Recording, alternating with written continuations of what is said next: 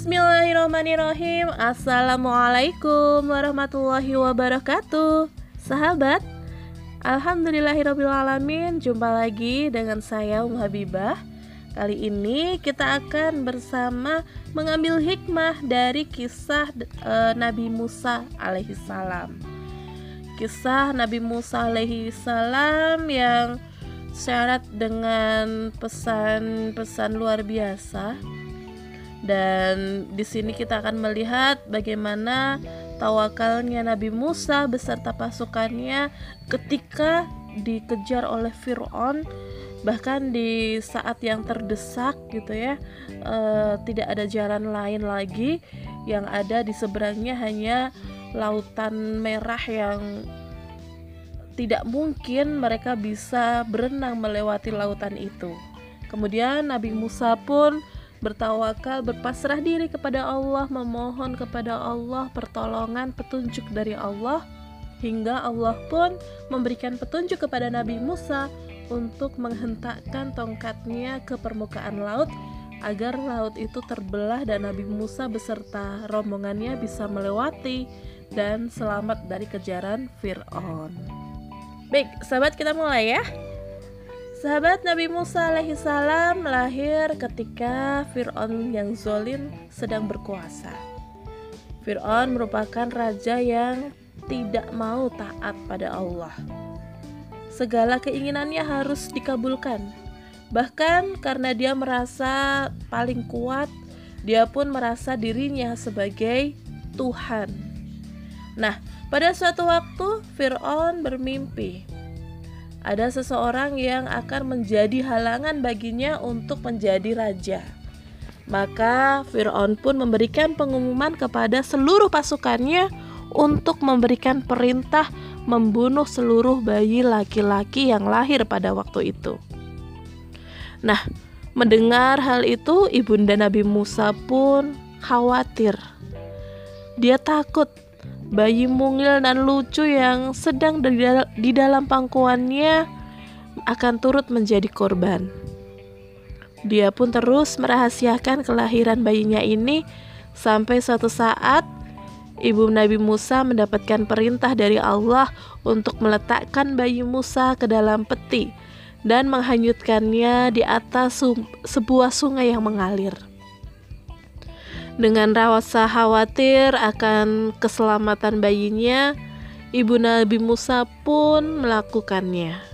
Dan ternyata Allah memberikan sebuah keajaiban.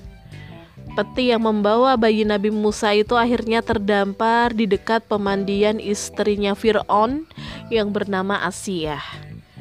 Nah, Asia pada saat itu sangat menginginkan hadirnya seorang bayi di dalam keluarganya dan Asia pun merasa sangat bergembira ketika dia menemukan bayi kecil yang berada di dalam peti itu yaitu Musa alaihissalam. Kemudian Asia pun mengambil Musa dan merawatnya dengan penuh kasih sayang. Namun sayang, Asia tidak bisa memberikan ASI kepada Nabi Musa, sehingga Asia pun menyuruh pelayannya untuk mencari ibu susu bagi Musa. Setelah sekian banyak uh, wanita yang mendaftar menjadi ibu susu dan mencoba untuk menyusui Nabi Musa, tapi Nabi Musa tidak mau meminumnya. Maka yang terakhir adalah seorang wanita datang. Beliau adalah ibunda Nabi Musa alaihi salam. Nah, ketika ibunda Nabi Musa datang menyusui Nabi Musa, Nabi Musa pun mau meminum air susunya sehingga ibu Nabi Musa pun menjadi ibu susu bagi Nabi Musa. Nah, ternyata hal ini menyebabkan Firaun sangat marah. Firaun pun ingin merebut dan mengambil bayi Nabi Musa dari Asia untuk ingin karena dia ingin membunuh uh, Musa kecil.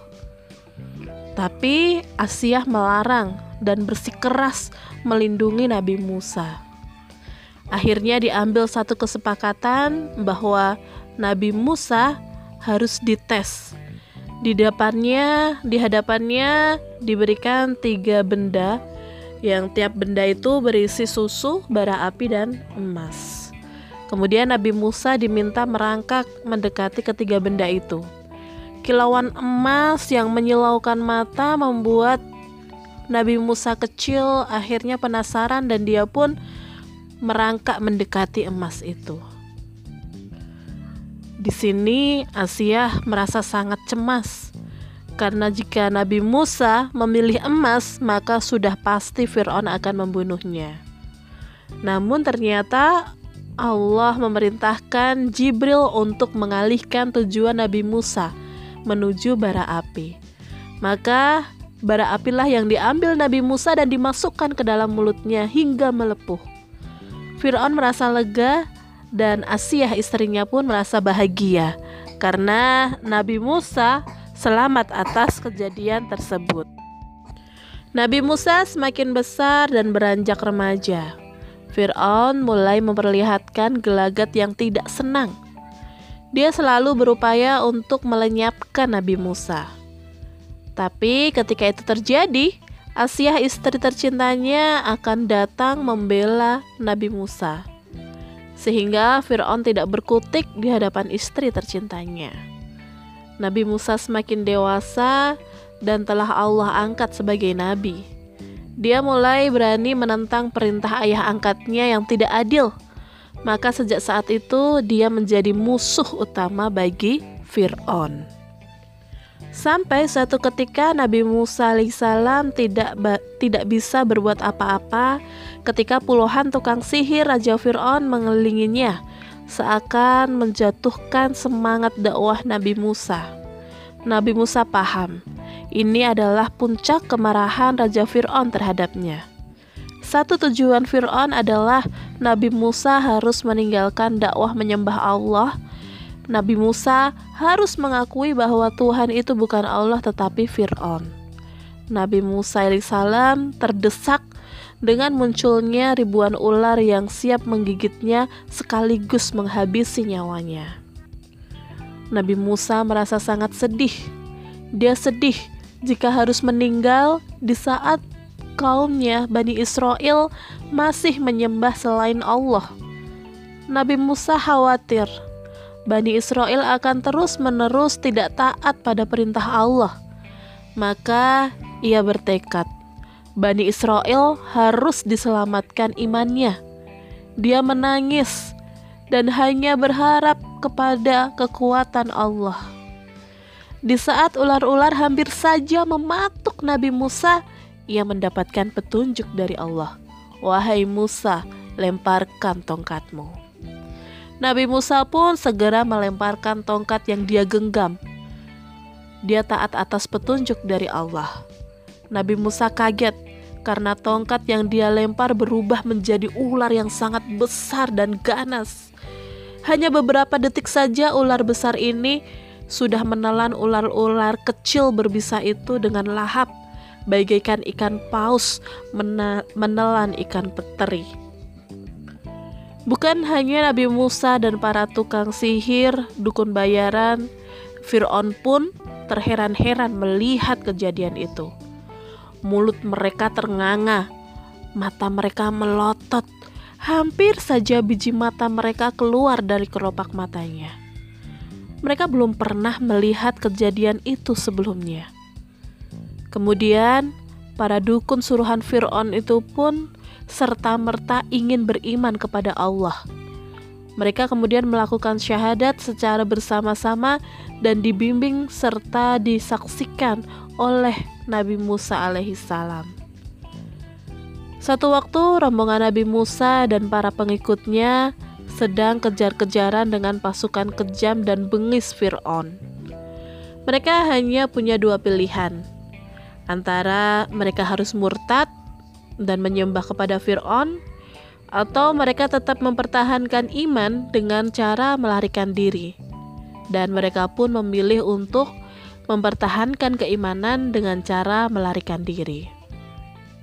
Dengan peralatan dan kendaraan yang seadanya, mereka bergegas menjauh dari wilayah pasukan Raja Fir'aun. Tapi Fir'aun sudah mendapatkan informasi mengenai hal itu. Diperintahkannya seluruh pasukan untuk mengejar. Dan Firaun sendiri pun turut memimpin pasukan itu dengan kuda dan kendaraan terbaik yang ia punya. Dia memimpin pasukan untuk menyerbu Nabi Musa beserta rombongannya. Orang-orang yang beriman yang berjumlahnya sedikit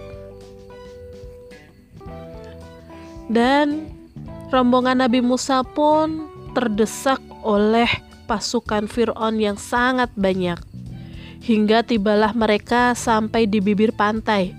Mereka sudah tidak bisa ke mana-mana lagi. Di belakang mereka sudah samar terlihat pasukan Fir'aun semakin mendekat. Sedang di depan mereka terlihat lautan luas dan dalam. Mereka tak kuasa berenang ke tepian seberang. Nabi Musa kemudian bertawakal, berdoa minta petunjuk kepada Allah. Selesai berdoa, Nabi Musa kemudian menghentakkan tongkatnya ke atas permukaan laut itu. Seketika laut pun terbelah dengan izin dan kuasa Allah. Segeralah Nabi Musa dan rombongan berlarian ke sisi seberang lautan dengan berjalan di sisi kosong itu. Kanan dan kiri mereka air yang seolah terbendung. Fir'aun pun ikut takjub dan mencoba turut melewati lautan yang terbelah itu. Amarah dan nafsu untuk memusnahkan Nabi Musa beserta rombongannya pun begitu membara di dalam dadanya. Firaun tidak mau kesempatan ini gagal. Tapi naas, Allah sang perencana terbaik setelah Nabi Musa berada di bibir pantai dan seluruhnya telah melewati lautan itu, Nabi Musa diperintahkan oleh Allah untuk kembali menghentakkan tongkatnya. Dan lautan yang terbelah itu kembali tersambung dan Fir'aun beserta bala tentaranya pun tenggelam ke dalam laut hingga mati. Dan kekuasaan Fir'aun pun berakhir. Tidak ada lagi penguasa yang merasa bahwa dirinya itu adalah Tuhan. Tidak ada lagi pasukan yang tega membunuh bayi laki-laki. Nabi Musa dan para pengikutnya hidup damai dan sejahtera. Mereka kembali bisa beribadah dengan aman. Mereka semakin taat kepada Allah. Mereka merasa dengan semakin bertakwa, Allah akan semakin memberkahi hidup mereka. Sahabat, demikian kisah tentang Nabi Musa yang sangat luar biasa. Betapa Nabi Musa sangat percaya kepada Allah, berpasrah hanya kepada Allah, bahkan di titik-titik kritisnya beliau hanya berharap kepada Allah. Semoga hal itu bisa kita tiru ya di uh, berbagai permasalahan yang kita hadapi, apa pun itu maka kita ha harusnya senantiasa memohon pertolongan kepada Allah. Jangan sampai kita memohon pertolongan kepada yang lain, tapi kita hanya boleh memohon pertolongan kepada Allah. Baik, demikian uh, podcast saya kesempatan kali ini. Tetap stay tune, insya Allah besok kita akan ketemu kembali ya. Assalamualaikum warahmatullahi wabarakatuh.